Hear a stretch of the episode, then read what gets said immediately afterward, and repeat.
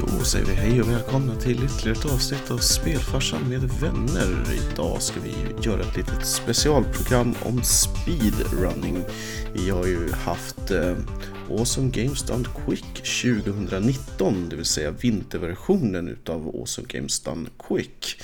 Där man spelar en vecka, dygnet runt, cirka 150 spel och alla pengar som eh, kommer in doneras till Cancer Prevention Foundation. Och eh, Peter, vad eh, tyckte du var bäst i år? Um, ja, eh, hela eventet i sig är ju alltid trevligt eh, av den anledning som du nämnde, att det är välgörenhet. Men det är väldigt sådär eh, beroende på vilka spel de har med. Så att det är 150 spel och jag tycker alltid att det är roligt när det är den lite mer klassiska listan av spel. Um, ibland så kör de sånt som kanske är lite mindre, lite mer okänt. Och eh, det är mycket duktigt folk som speedruns spelar sådana också. Men jag blir alltid lite gladare när det är de klassiska eh, Mega Man, Metroid, Castlevania och Zelda-spelen. Och mm det var det i den här omgången. Så det ja, absolut. Eh, just i år, alltså generellt sett brukar det också vara så att på vintern så är det mera klassiska spel och på Summer Games Done Quick som är sommarversionen då brukar man ta ut svängarna lite mer och stoppa in ska vi säga, lite nyare titlar och lite mera udda titlar även om det visst förekommer även i år eller nu i vinter. Mm. Mm. Eh, jag tycker väl att, eh, säga som så att det var bättre kvalitet i år rent allmänt. Det var mindre problem med streamsen, de hade bättre kommentatorer. Det verkade överlag eh, klicka bättre. Det kändes som att det var en mera homogen stämning och det var ett bra flow rent allmänt. Eh, sen så tycker jag ju förstås alltid att det är roligt när man i sann anda faktiskt avslutar med ett riktigt race utav Super Metroid och liknande. Så att, för det var ju ett tendens på år att det försvann nästan. Så att, eh, mm. nej men jag, jag, är väldigt nöjd. Det som var lite trist att se i år, det var att VB spelade sitt sista run av Castlevania Array of Sorrows. Nu lägger han kontrollen på hyllan och fortsätter med andra spel. Alla de här videosarna finns ju sparade i alla möjliga former. Jag tror att de har eh, både sparat på Twitch, där de ju sänder det här, men jag tror att mycket av det också kommer hamna på YouTube. Bara ja. Du kan, man kan antingen gå in på eh, GameStand Quick och titta under VODs. Alternativet så finns det en sajt som heter DGQ GameStand Quick eh, VODs.com tror jag att det är så finns även VODs från alla egentligen ända tillbaka till 2013 tror jag. Och det är ett ställe där det går att hitta allt möjligt spännande material från det här eventet som ju har hållit på ett, ett tag nu. Så det är kul. Ja, och sen så drog man ju in nytt rekord igen. Så nu så var det strax över 2,2 miljoner dollar. Det var ju inte så här fantastiskt lyft som det var förra vintern från en ish någonting till två. Men i alla fall en liten puttning av rekordet helt enkelt. Det är ju eh, som sagt bara välgörenhet så att vi hoppas ju alltid på att det där rekordet slås varje år. Ja, och i år var de dessutom extra tydliga med att pengarna verkligen bara går till eh, väl den här välgörenhetsmottagaren för att det har varit lite kontroverser om hur mycket liksom själva eventet har kostat och eh, lite sådär fram och tillbaka. Det är ingen som egentligen har bevisat någonting men det var nästan ett tag att folk skulle bojkotta sådana saker men det verkar som att de har fått ordning på det där i alla fall. Nej, så att eh, ja, ett hedersvärt event rakt av. Ja, jag tycker att eh, det, det är som vanligt. Det är bara att gå in. Schemat ligger fortfarande uppe. Och det kommer göra det, tror jag, i, åtminstone fram till nästa schema dyker upp. Så det är bara att gå in där och mm. botanisera. Ta det man tycker verkar kul. Och eh, har man, har man inte tittat någonting direkt på speedruns tidigare så kan vi ju rekommendera klassiska titlar som Mario, Donkey Kong Country, Mega Man, Castlevania Metroid med flera. För att oftast åtminstone så känner man ju i alla fall igen sig och det är väl det som också brukar fånga de flesta från början att man ser sitt gamla favoritspel spelas mm. på ett helt nytt sätt. Och det här programmet som vi kommer ha idag är mera då generellt kring hela det här mm. fenomenet. Så att är man sugen på vad allt det här handlar om så är det bara att hänga kvar. Vi kan ju börja lite lätt med egentligen att bara fundera lite grann över vad egentligen är speedrunning. Eh, det hörs ju lite på namnet att det handlar om att eh, spela spel fort. Och eh, det är ju precis som det låter att Eh, det handlar om att på kortast möjliga tid klara ett spel. Sen så kan man ju också då dela upp det i att man har ju lite olika kategorier av det hela. Det ena är ju att till exempel att samla eller göra allting i ett spel. Det vill säga man brukar kalla för 100%. Men det kan ju också vara andra typer av kategorier. Så det finns en hel uppsjö av olika genrer kan man väl säga att, eh, att tävla i. Eller grenar mm. kanske. Ja, det är väl en ganska bra översättning. Alltså, de är ju så pass annorlunda till sin karaktär att det är väldigt sällan någon kör in sig på mer än en av dem. Nej, precis. Det är ju också, det beror ju på vad man är ute efter. Är man ute efter att vara topp 10 eller topp 5 till och med. Då är det ju ett heltidsjobb i princip. Att, eh, särskilt om man ska hålla sig på den nivån. Eh, när man tittar på streamers som till exempel eh, Caleb Hart en gång i tiden åtminstone. Så mm. spelade mm. ju han Mega Man 10 och Mega Man eh, X2 i typ 12 timmar om dagen. Bara det mm. spelet, om och om igen.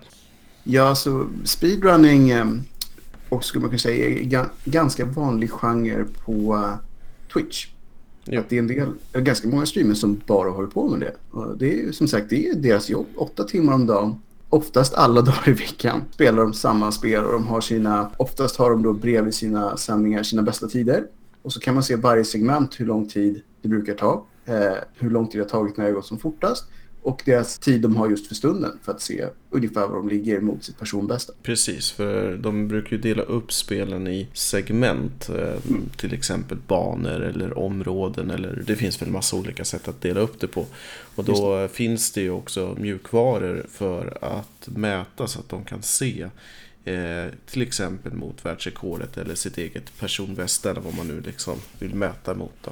Så att eh, det är en seriös nisch av gaming. Eh, helt klart. Och en som jag tycker också har växt på senare år. Det var ju definitivt från början en hardcore-grupp med antagligen inte supermånga människor som höll på med det här. Men... Nej, i alla fall inte i så stor, så stor bredd som det är idag. För visst att till exempel spel som Super Mario till NES eh, eller Super Metroid och så vidare. Det har ju folk försökt spela fortare och fortare egentligen ända sedan det kom ut i praktiken i kanske 20 mm. års tid och ännu längre till och med. Men nu har det ju blivit eh, mer som till exempel med när vi hade ju ett achievements race för ett antal år sedan när folk skulle få så mycket achievements som möjligt ur mm. så många olika spel som möjligt och det här har väl blivit lite samma grej att eh, när folk tyckte att det kanske är för svårt att slå sig in i att köra ett speedrun av Super Mario World till exempel. Då kanske man gett sig på en annan titel som inte är lika hårt eh, konkurrens helt enkelt. Då. Mm.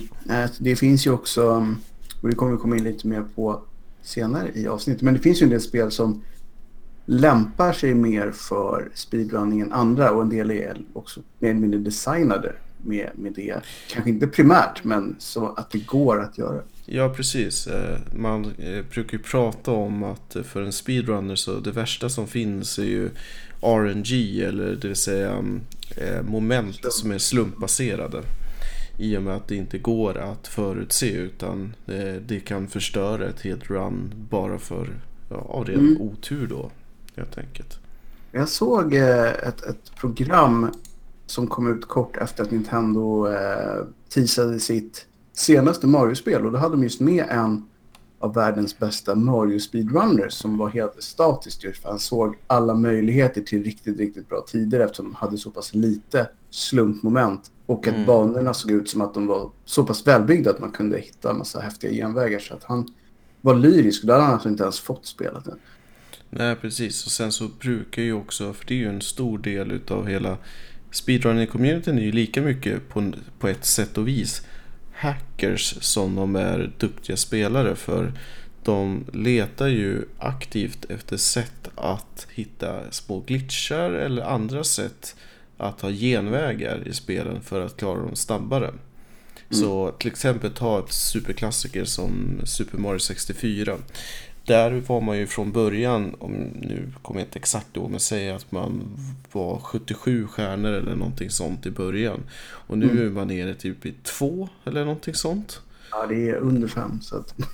Så att eh, det där är ju också att det är lika mycket att man eh, är liksom först med att hitta det här sättet att eh, göra någonting specifikt och spara, inte vet jag, 30 sekunder eller kanske i vissa fall 30 minuter bara på en sak. Så, så, så att det, är ju, det, är lite, det finns lite samma drag av eh, kulturer så som inom hacking, reverse engineering eller vad man nu vill kalla det för. Något. Men Games Done Quick, vad är det? Games Done Quick eller Awesome Games Done Quick beroende lite på hur kärt barn har många namn. Är en, ehm, vad ska man kalla det? Det är väl en typ av förening egentligen. Som eh, har som mål att samla in så mycket pengar som möjligt genom donationer. Och det gör de genom att samla världseliten av speedrunners under en vecka. Nu kommer de också börja med ett ytterligare ett event som kommer vara några dagar. Men eh, traditionellt sett så är det två event per år. Ett på sommaren och ett på vintern. Där man under en vecka i princip spelar dygnet runt. Mm. Och då har en massiv lista spel. Och för att ge en liten eh, fingervisning för den som inte har varit inblandad eller sett det tidigare så förra vintern, eller nu i vintras, så samlade man in över 2 miljoner dollar på en vecka i bara donationer som man fick in då via Twitch och YouTube och lite allt möjligt. Men i alla fall donationer till just det här eventet då. Ja, och det här är ju alltså både gaming, eh, när det är som bäst eller på att säga när det gäller speedrun, men också för en, en bra, ett bra ändamål. Så att det finns Ja. fler skäl än ett att engagera sig. Jo, just nu så har de ju haft två, de alternerar ju på vintern är det ett eh, Cancer Prevention Foundation och sen på sommaren så är det eh, Läkare Utan Gränser eller eh, Doctors Frontier tror jag den heter på engelska. Så att nej, det är bra ändamål. Um, vanliga fall skulle jag säga, vi som har sett på det här några år brukar ju känna igen ett och annat ansikte av de här gamers. Men i år så var det ganska mycket färska namn på listorna. Så har man inte tittat på det tidigare så är det ett ganska bra tillfälle att hoppa in.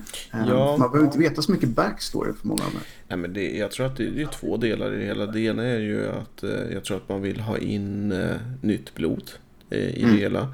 Det andra är ju också att eh, det är ju fruktansvärt krävande att ligga i topp. Så det är ju Som i också... alla andra sporter. Ja, så att det, det är inte så konstigt heller kanske att folk eh, eh, faller undan därför att det är ju eh, Visst, om du är en känd streamer så eh, kan du ju leva på det men det är ju liksom Det är ju De flesta har det ju som hobbynivå. hobby. Ja, och dessutom tror jag att det är ganska svårt kanske som streamer att leva på att vara bäst i om du inte råkar vara bäst till exempel på Super Mario så är det svårt att, att leva som streamer på att vara bäst av ett spel. Därför att Mm. det är så pass liten nisch så att jag tror inte du får in de eh, pengarna eller donationerna som krävs. Då måste du snarare vara en bred speedrunner och köra många olika spel för att få lite större publik och sådär. Ja, det, det är ju inte helt eh, enkelt att leva på det. Jag tror nog att det är, för många är det nog en lite tidskrävande hobby. Precis, och sen så är det ju också en del av att det är ju i USA. Så det är ju kanske inte helt lätt att bara ta sig dit heller. Eh, även om man, eh, Nej. om man inte råkar bo i USA då förstås. Och även om man gör det så har de ju, och det är någonting som vi har funderat lite av och till på, de ligger oftast på lite så halvtrista ställen. Eh, Mm. Så det kanske inte är, jag ska inte säga att det inte är värt att åka dit, för jag tror att det är säkert ett häftigt event att ha varit med på någon gång om man är intresserad av det här, men man får ut väldigt mycket av att bara titta på streamen. Ja, alltså det är ju betydligt bekvämare och dessutom är det så att även som för min del, jag är ju inte intresserad av alla spelen utan det är ju liksom vissa som man är, som man tycker är, ja. Eh, Så att eh, jag skulle jättegärna åka på ett sånt här event men då är jag faktiskt nästan mer sugen på nu har jag glömt vad det heter men eh, de kommer i alla fall att köra ett eh, miniatyrvariant av det här i höst. Eh, får väl se om det hänger kvar men när de kör tre dagar istället. Mm.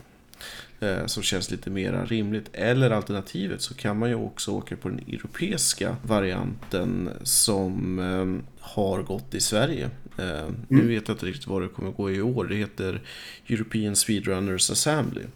Och det, de hade då i Jönköping, i, om jag minns rätt, så i samma lokaler som DreamHack. Så att det finns på närmare håll, man behöver inte åka ja, till USA. exakt. Så att det finns absolut möjligheter att få uppleva det på eh, andra sätt än att göra det. Men absolut, och ska man ändå åka dit tycker jag och man är väldigt intresserad av det här. Varför då inte passa på att anmäla sig som volontär? För de söker ju då varje år volontärer från allt från att hjälpa folk till rätta till att läsa upp donationer till ja, allt i princip. Då. Eh, Ja, det brukar vara ganska mycket pepp runt omkring. Och det här är ju då, som vi nämnde, någonting som rullar nästan dygnet runt i en vecka. Men eftersom det är en fysisk plats de sitter på så brukar det oftast behövas lite draghjälp på den tidsslotten som är under USAs natt. Mm. Där det brukar vara väldigt tomt i lokalen där folk är så, i vanliga fall har publik. Så att då brukar de försöka hålla igång lite mer i eh, streamen och peppa och prata lite grann. För det kan ju vara väldigt demoraliserande för den stackars speedrunner som sitter där och spelar i ett jättestort rum helt ensam.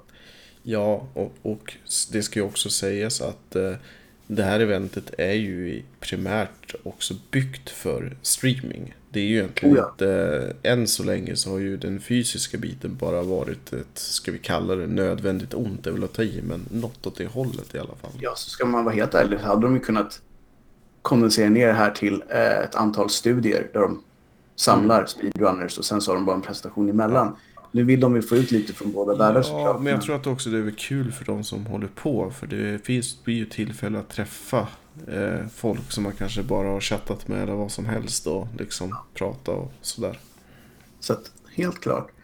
Mm, ja, vi har eh, pratat lite om själva eventet. Ska vi kanske gå in lite mer på vanliga spel som brukar vara med på de här listorna? Ja, alltså traditionellt sett så är det ju de stora titlarna. Det är Mario, det är Metroid, det är Zelda och eh, även Mega Man. Eh, så innan vi dyker i de här eh, stora titlarna så ska det också sägas att de är relativt duktiga på att plocka upp rätt obskyra spel. Bara för att ge ett, ett axplock så kan man ju ta till exempel så har man med Gimmick.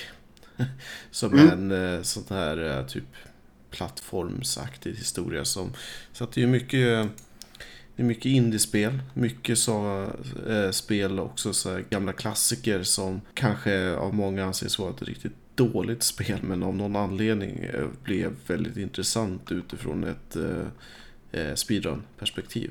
Men oftast är det ju, ska man generalisera lite så är det ju plattform, plattform slash Metroidvania, äventyrsspel och lite FPS och sådär. Det rör ju sig ofta som spel som, där man här kan ha tempo. Det, det är ju halva poängen i det hela. Men visst, man slänger in till exempel något som har blivit pop i senaste åren. Det är ju att speedrunna Warcraft 3. som Warcraft också- 3 Som är, och även tänkte säga Dark eh, Souls-serien.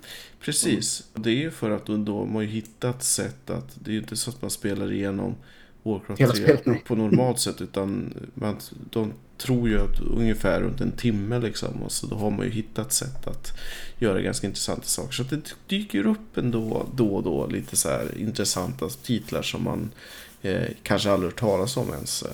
Ja. Och sen finns det ju på hela tiden också med lite nyare. Jag såg att eh, Mm. den här hade Doom från 2016 till exempel. Ja, precis. Det är inte bara klassiker. Det funkar ju också som så att eh, inför varje event så får vem som helst ansöka om att eh, spela ett spel. Och då får man lägga upp en video där man spelar igenom det så får man motivera varför man ska spela det här. Och sen så är det en blandning av en jury och lite allt möjligt eh, jox som då kommer fram till vilka spel som ska spelas. Så att är det så att man sitter och trycker på ett hyfsat personbästa i eh, Ja, vad ska vi... Ja, och typ något biljardspel till SNES. Då är det ju läge att göra något åt det liksom. Hugo skulle faktiskt funka med tanke på att det är absolut. Det skulle nog gå alldeles utmärkt. Jo, det, det kanske också ska sägas eh, att man även har ju hittat sätt att ta med klassiker eh, som eh, typ Final Fantasy-spelen. Eh, Mm. Oftast då, jag ser nu att, vilket låter spännande, de ska avsluta med eh, Final Fantasy 6 utan glitches, any percent som de beräknar ska ta sju timmar. Den är kul. Den är imponerande. Då är de i och för sig två. Men eh, Mm, sju timmar men i är inte alla sju timmar. Men om vi ska ta då och prata lite grann om de här klassiska liren då så eh, om vi börjar dyker i min stora favoritserie är ju 2D Metroid som har spelats på alla tänkbara varianter. Då pratar vi inte bara Super Metroid förstås utan då är det ju eh, både Metroid till NES och eh, även eh, till Game Boy Advanced. Det vill säga eh, Zero Missions och, och eh, ja, Fusion då. Men då Alltså man har ju haft, som sagt, nästan, som jag var inne på, 20 års historia av att försöka, om vi pratar Super Metroid, på att spela det snabbare och snabbare. Och eh, det har ju gått så långt då så att man har ju, från början så hade man ju bara 100% och any% Det vill säga Mm. att antingen ta upp alla eller ta upp så många du vill, klara moder gärna och sen så är det färdigt. Ehm, men sen har man ju också eh, Sen blev ju det lite tråkigt, eller liksom man hade det på varenda event och det var Visst, det var ju bättre tider varje år och så vidare och så vidare. Och eh, det startade, jag tror det första Awesome Games var 2014 eh, och sen så tänkte man ju att man måste göra någonting för att det är ju en publikgrej det hela. Så man har ju inrättat ett par andra eh, grenar som kommit till på senare år. Till exempel någon som en variant som jag tycker är väldigt spännande som är unikt för själva som har kommit fram eller kommit till tack vare speedrunningen. Det är reverse boss order. Det vill säga att Mm. du börjar med Ridley och tar alla andra bossar i, i omvänd ordning. Självklart måste du ändå avsluta med Moderna för du kan inte, eller kan och kan, men du kan inte komma dit utan att förstöra eller bryta hela spelet då. Så Nej. att det blir avslutande i alla fall. Eh, Mm. Sen har du till exempel Low Ice som innebär att du eh, tar Ice Beamen men i praktiken, jag tror man är nere på 12%. Det vill säga att man har struntat i 88% av spelets items för att klara det, Mm. vilket är ganska imponerande. Verkligen. Ehm, och så vidare. Så att det, där har man ju hittat sätt. Man brukar köra, senare år har man också kört race. Det vill säga att man har fyra spelare som spelar samtidigt och ser vem som kommer först och sånt där. Så att Mm. eh, man har hittat sätt att eh, modernisera och göra det bättre och mer intressant. Eh, Sen har det ju också, inte så mycket just i Awesome Games, men det har ju dykt upp eh, andra typer utav spin-offer av Super Metroid, det vill säga egentligen romhack. Där man har eh, till exempel ett populärt är eh, item randomizations, det vill säga att eh, när du startar spelet så kan itemen vara utspridda hur som helst eh, men på ett sätt som gör att du kan inte bli låst. Men till exempel du kanske får plasmastrålen det första du får till exempel Mm. och så vidare och så vidare. Vilket ju skapar lite, lite spänning för den som spelar och lite spänning för de som tittar. Men om man ska också dra en liten parallell till eh, Games Done Quick så är det ju det att i Metroid så har man eh, alltid, man brukar avsluta med, med Metroid oftast. Mm. Men det är att man har ett eh, mål att man samlar in, för det finns mängder av småmål under, spe, under det här eventets gång till exempel. Att du kan, om man donerar X pengar till en eh, till till exempel Final Fantasy 6 då får man namnge huvudpersonens karaktär och så vidare. Och så vidare. Men i Metroid så kan du väl, brukar det klassiska vara att du donerar till att om du ska rädda djuren eller Mm. låta dem gå under när planeten sprängs. Och det Precis. brukar vara så att man kanske har samlat in en halv miljon dollar eller i alla fall ett par, hund, par hundratusen. Så det brukar vara väldigt så klassisk grej som just följer, följer med Metroid. Ja, och även höll på att säga, det var där det började skrivs så på donationer under alla möjliga spel. Ja, självklart. Det är ju igång eh, hela tiden. Det kommer ju upp eh, jämt att det kan ju också vara sådana saker att det kan vara bonusspel, det kan vara att man till exempel istället för att spela det på easy höll jag på att säga så kanske man spelar det på hard eller man gör en annan karaktär eller man får namnge någonting eller alltså det finns tusen och en varianter på temat. Men det kan vara bra om ni tittar på um, Awesome Games Done Quick och det är folk som läser upp donationer och de pratar om just Kill the Animals och Save the Animals och Mm. det har ingenting med spelet alls som de spelar att göra. Det är därifrån det kommer. Exakt. Annars brukar den klassiska kommentaren är ju också Save the frames, kill the animals. Ja, den är en klassiker. Eh, men eh, som sagt, det finns till, till alla möjliga spel, eller egentligen till alla spel på ett eller annat sätt nu för tiden. Så till exempel, vi gjorde vårt bästa för att få att de skulle spela Tintin i Tibet på svenska förra året, i vintras. Mm. Där har vi. Nu var det fransoserna som vann om jag minns rätt. Ja, det var lite tråkigt. Det var inte alls lika bra. Vi får Men, försöka. ja, precis. Men som sagt, det finns ju många andra spel än bara just Metroid. Eh, Zelda är ju också något som alltid är med. De spel som brukar spelas är ju Ocarina of Time, Majora's. Mask, Link to the Past. Förr var ju även Link, eh, eller Mm. Zelda 2 då, en... Inte lika mycket på senare år, men, men det var med ganska ofta förr. Mm. Men egentligen alla klassiska Zelda brukar vara med på ett eller annat sätt. Därför att det är ju de klassiska spelen som drar mest folk. Så är det ju. eh, För folk vill se sina barndomsspel Spel. spelade på ett helt nytt sätt. Eh, Mm. Men Zel- ett, någonting som har kommit och blivit populärt är ju det vi var inne på lite grann under Metroid men eh, Zelda 3 randomized. Det vill säga att du får eh, slumpvis utvalda items beroende på hur du hittar dem. Så till exempel så kan du starta utan svärdet men det första du gör är att du plockar upp bomber till exempel. Dock ska jag väl säga att det här är väl mer av en gimmick kanske än att det är direkt ett speedrunning-spel. Därför att eh, det är svårt att speedrunna någonting där du har en slumpvis ut, given deal varje gång du startar spelet. Det är både bra och dåligt på det sättet. Man kan inte riktigt planera sin run. Nej. Så att det, det är lite komiskt att någonting som är fött mer eller mindre ur speedrunning är inte egentligen anpassat för att speedrunna. Nej. Eh, Annars så har ju förstås eh, de nya Zelda-spelen har ju också kommit in, alltså i praktiken är det så, så fort som en, en sån här ikonisk titel är släppt så brukar det börjar vara eventet, nästkommande event som det dyker upp. Så att till exempel så Super Mario Odyssey lär dyka upp till det vinters upplaga. Det är ju bara en tidsfråga för att det första som händer är ju som sagt att de som spelar de serierna sitter bara och väntar på att de får spelet. Sen så sätter de sig i stort sett och bryter ner hela spelet. Mm. Så att de ska kunna komma på de snabbaste vägarna. Och sen så finns det ju communities kring det här. Så att oftast brukar det organiskt sen putsas några sekunder här, några sekunder där. Och så kanske någon får ett genombrott och hittar en ny alternativ väg. Och så på den vägen är det. Och ungefär ett år senare så har de väl oftast kommit fram till någonting och så Mm. dyker det upp.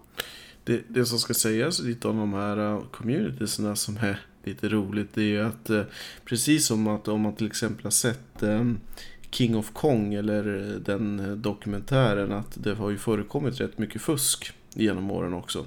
Mm. Folk som har ett speciellt segment run, det vill säga att man har spelat till exempel Super Mario 64 och en känd incident där man har spelat vissa ban, varje bana perfekt men inte i en sittning utan sen har man klippt ihop det och försökt att få det se ut som att det vore en En genomspelning. Liksom. Det är väl lite nackdelen just med att, att eh, plattformen är eh, konsoler och PC och annat som är ganska enkelt att manipulera.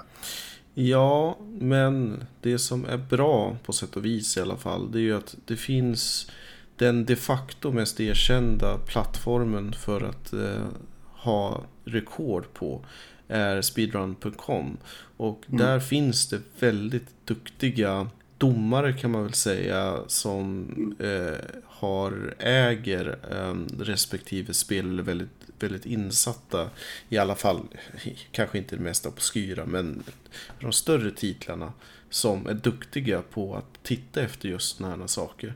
Sen är det klart att det, är klart att det kommer förekomma fusk, det kommer det alltid göra men eh, det är ganska så snabbt självrensande liksom.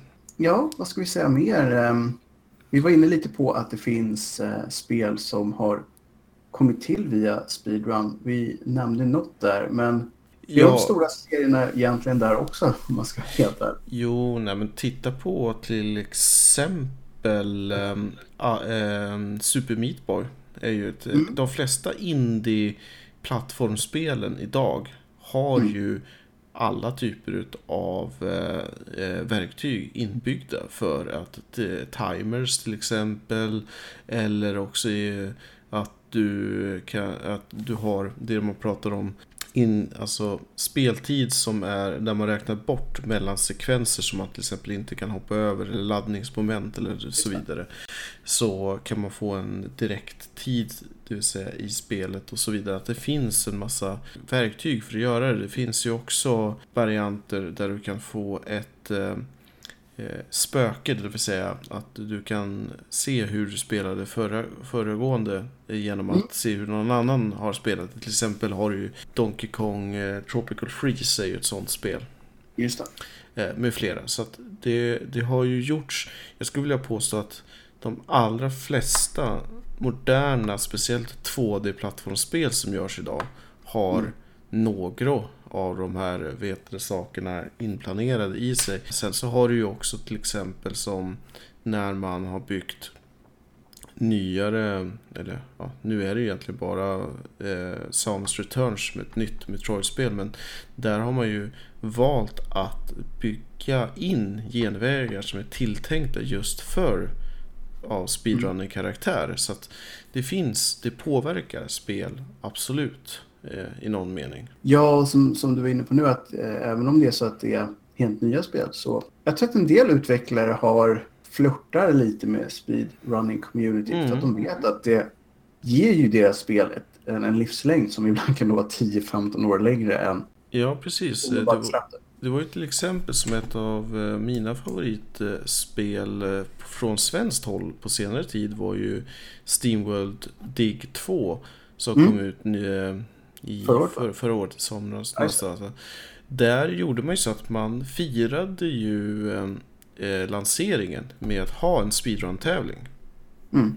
Så att äh, självklart, det var ju som du pratade om här innan om att man hade ju en Mario-lansering med en speedrunner mm. som var eh, bäst på Mario till exempel och så vidare. Ja. Så att eh, det är ju show, så att det är klart att det, det är populärt. Alltså jag tror att det kommer att Det är dumt att inte ta chansen. Mm. Och det är ju lite kul att se också, för det betyder ju att det här har gått från någonting som kanske var utanför eh, liksom blickfånget för själva företagen till någonting som de själva tittar på när de designar spel i vissa specifika genrer kan man mm, säga. Precis.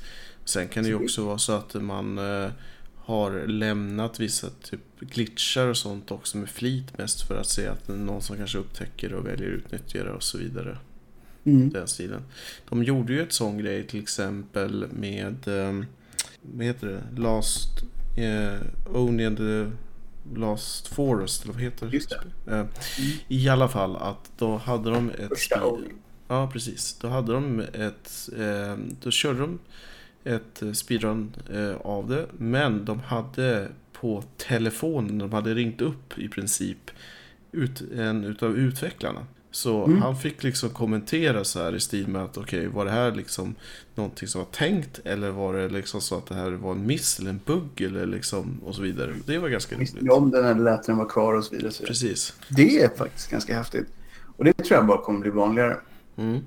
Det tror jag också. Sen så tror jag som sagt att man ska ju inte heller vara så att bara för att man tycker att eh, det, det, är ingen idé att börja med speedrunning därför att det tar så otroligt lång tid och det, jag kommer aldrig bli bäst. Men det är lite grann som vilken sport eller intresse som helst. Att man kan ha väldigt roligt utan att eh, för den skulle bli världsbäst på det. Jag menar, vi gjorde ju en eh, stream som egentligen var mer som en hommage eller en eh, förklaring till Megaman 10. Hur varje liksom, av de här speciella momenten går till. Och jag, jag, kanske, jag kanske la, säg, 80 timmar på det. Och mm. Eh, det var, eh, bara det liksom gav ju ändå en viss, hur ska vi säga, grundläggande för, förmåga eller en, att komma in i det du var ju så att man kunde efteråt kunde säga att man hade faktiskt utvecklats i, i det spelet. Ja, och, precis. Och kunde putsa på detaljer och teknik och grejer. Exakt. Och eh, jag tror att när man väl har börjat med det, att om man tycker att det är minsta liksom, intressant så upptäcker man att det är ganska kul. Så jag tror ju att man kan... åh, Tror- Jag tror att man kan komma in på topp 100 i alla fall med, om man dedikerar sig till det. Sen tror jag också som det är som med mycket annat att bara att tävla med sig själv. Att putsa sitt personbästa Mm. eh, är ju en kick i sig. Även om det är så att du liksom aldrig blir världsbäst så Mm. kanske du slår din egna tid med jämna mellanrum. Eh, Jag skulle ju dock rekommendera om man tycker att det här låter som en spännande idé att man då väljer någon av de här eh, superklassiska titlarna just därför att det finns väldigt Mycket mycket, hjälp på Youtube i stil med beginners guide och liksom väl förklarat olika delar och så vidare och så vidare. Jag tänkte på till exempel förra eh, i vintras när de körde eh, GameStop Quick. Då hade de, eh, vilket Strider, eh, så Mm. hade de, gjorde de så att då satt en, en av de som är absolut bäst på speedrunning. Han satt bredvid och coachade en kille som, visst han var inte eh, främmande för spel, men det, det är så här, kanske hade spelat Strider två gånger eller någonting i den stilen. Och egentligen coachade honom igenom ett speedrun. och han fick ändå bara på hjälp av det ganska skaplig tid. Nej, så det... Jag tycker, precis som jag sagt, om du har någon typ av intresse, var inte blyg, utan hoppa in Mm. och prova, se hur det känns. Vi har ju också svenska hopp, höll jag på att säga, även om eh, Mm. de kanske inte är så framstridande. En, den mest kända är väl eh, Joel Westberg som eh, blev känd när han i praktiken bara föll ihop efter att ha slagit världsrekord i Mm. Ocarina of Time. Han hade väl, skulle man kunna säga, levt lite för det. Ja, alltså om man ska tro, vilket jag tror är sant, så var ju praktiken att han hade ju blivit av med sitt jobb och sin, sin partner och bodde hemma och liksom... Mm. Det var hans allt just då. Men han lyckades ju faktiskt, det får man ju göra. Jo, men det är lite så här, men vad gör man sen då? Ja, det är väl där man gärna skulle vilja göra en dokumentär. Vad hände sen? Ja, jo. Mm, det var häftigt var det i alla fall. Även om du då kanske inte är på den nivån de flesta tar. Nej, det här, ska man vara riktigt ärlig så tyckte jag att det var väl lite tragikomiskt nästan. Mm, Därför att eh, vi, hade, vi hade ju en annan kille med, som vi tittar på, eh, som jag glömt vad han heter, men han hade ju så ont i, i händerna så han kunde Ah. knappt spela. Och så frågade hon, kommentatorn, eller den satt bredvid liksom, men, men hur, hur fasen pallar du det här liksom? Nej men idag så gör det ju inte så ont eller någonting i den stilen. Han Alltså. hade tumvantar, det var så det började. De undrade varför han satt och spelade inomhus med tumvantar. Det var just för att det, det värmer lederna i handen. Annars liksom helt förstörda redan. Och den här killen var ju någonstans 20 plus ålder. Mm. Och hade kört, jag tror det var Wind Waker han hade Mm. kört. Enorma mängder. Ehm, och också någon anledning den italienska versionen för kunde man skala av ett par sekunder här och där. Mm. Så att eh, ibland så blir det på en nivå som kanske inte är Ja. helt bra. Oftast brukar det annars vara japanska versionen just därför att Mm. det är kortare text. Precis. Ja, sparar man eh, till exempel så är det väl så att om jag minns rätt så Zelda 3 så är det 12 sekunder som skiljer den det är europeiska. Jag vet att han förklarade exakt varför den italienska var bäst, men nu minns jag inte längre. Men det måste ju, eller rätt sagt, det finns alltid bara en anledning och det är antingen att det är text eller att det finns någon glitch i den versionen som ingen annan har. Mm. Ja, och apropå glitchar så är det ju, det är ju också en av de stora behållningarna. Vi har ju varit inne på det lite innan, men till exempel man kan ta en sån här klassisk variant som att i em, Final Fantasy 4 så finns det en plats eh, där man ska gå upp för en trappa och har någon kommit på då att går man upp för samma trappa 64 gånger så är det i praktiken så att upp och ner, det vill säga så, så kan man få en eh, räknare i spelet att eh, löpa mok i praktiken. Vilket Mm. innebär att din karaktär hamnar under kartan. Vilket gör att du precis kan ta dig var som helst. Så att sådana saker är så här. Hur kommer folk på det? Är det mest det som jag brukar sitta och tänka på. Personer som är väldigt intresserade, har mycket tid och är villiga att dissekera spel. Egentligen det Ja. Sen tror jag också att det är en eh, kombo av att folk som har hållit på med romhacking eller att det kommer då något debugläge eller någonting sånt så att man Mm. kan egentligen scanna. Precis, nu är vi inne på det igen eftersom hacking efter sårbarheter eller konstigheter Mm. i koden eller vad som helst man kan utnyttja för att Ja, eller ren slump till exempel då, att man kommer på saker och ting. Mm. Ja, är det någonting mer vi vill ta upp om hela fenomenet? Ja, alltså jag skulle ju tycka att man eh, borde se Super Mario World mest därför att ah, egentligen skulle jag säga alla de klassiska titlarna absolut. Mm. Sen så eh, kommer man ju spela en variant av kategori på Super Metroid som är 100% karta, vilket är lite intressant. Det vill säga att du ska fylla hela, Hela kartan. Med att Ja. du, så den kan, vi, kan ju vara li, lite sådär. Jag ska försöka tänka om det är någonting, ett, något spel som är lite så här lite annorlunda eller som jag skulle vilja säga att spel som är klassiker som ändå är roliga att se är ju till exempel kommer de spela Double Dragon 1 och 2 Mm. eh, Streets of Rage 2 Oh, Just det, vi har inte varit inne så mycket på dem men TASBot, det vill säga Tool Assisted eh, Botplay, det brukar alltid vara intressant i praktiken. Man gör jätteknasiga saker genom att ha hackat, sig, hackat sönder spel och på olika sätt göra roliga grejer. Så det kan alltid vara intressant. mm. Final Fantasy 6, om man nu orkar sju timmar i sträck, är väl intressant. Ja. tror jag ska försöka titta på den. Det är ju lite favoritspel, så alltid, alltid roligt att se. Så Mm. att, jag Nej, men det, det finns, det finns eh, allt möjligt godis och att eh, ja, trycka sig ner. säga att det här avsnittet kommer antagligen då komma upp precis när det här eventet är slut. Men de lägger alltid upp allt det här så att man då kan plocka godbitarna i efterhand och titta på bara dem. Och det var därför det kändes på plats att ha lite tips så här för att då kan man Ja. plocka ut russinen ur kakan.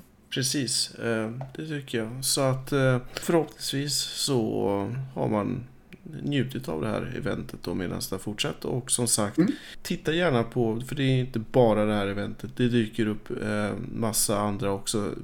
Lite snabbt så kan man ju väl bara säga att vi har varit inne på eventet eh, European Speed Runners Assembly. Men det finns också RPG Limit Break som kör varje kvartal, tror jag det är. Och Ja, är man väldigt intresserad av ett Nintendo-spel så har vi ett eh, Smash the Records. Som är mera fokuserat på Nintendo-spel. Eh, Ja. Och det Det finns säkert många till utöver det. Ja, nej men så med det så tycker jag att vi eh, ställer eh, höghastighetsskorna på, på hyllan och tackar för ikväll då. Ja, och eh, mycket nöje alla de som ger sig in i den här världen. Mm. Det är definitivt värt att hoppas på. Ja, nej, men det är bra. Då säger vi tack och adjö och hej då. Hej. Hej.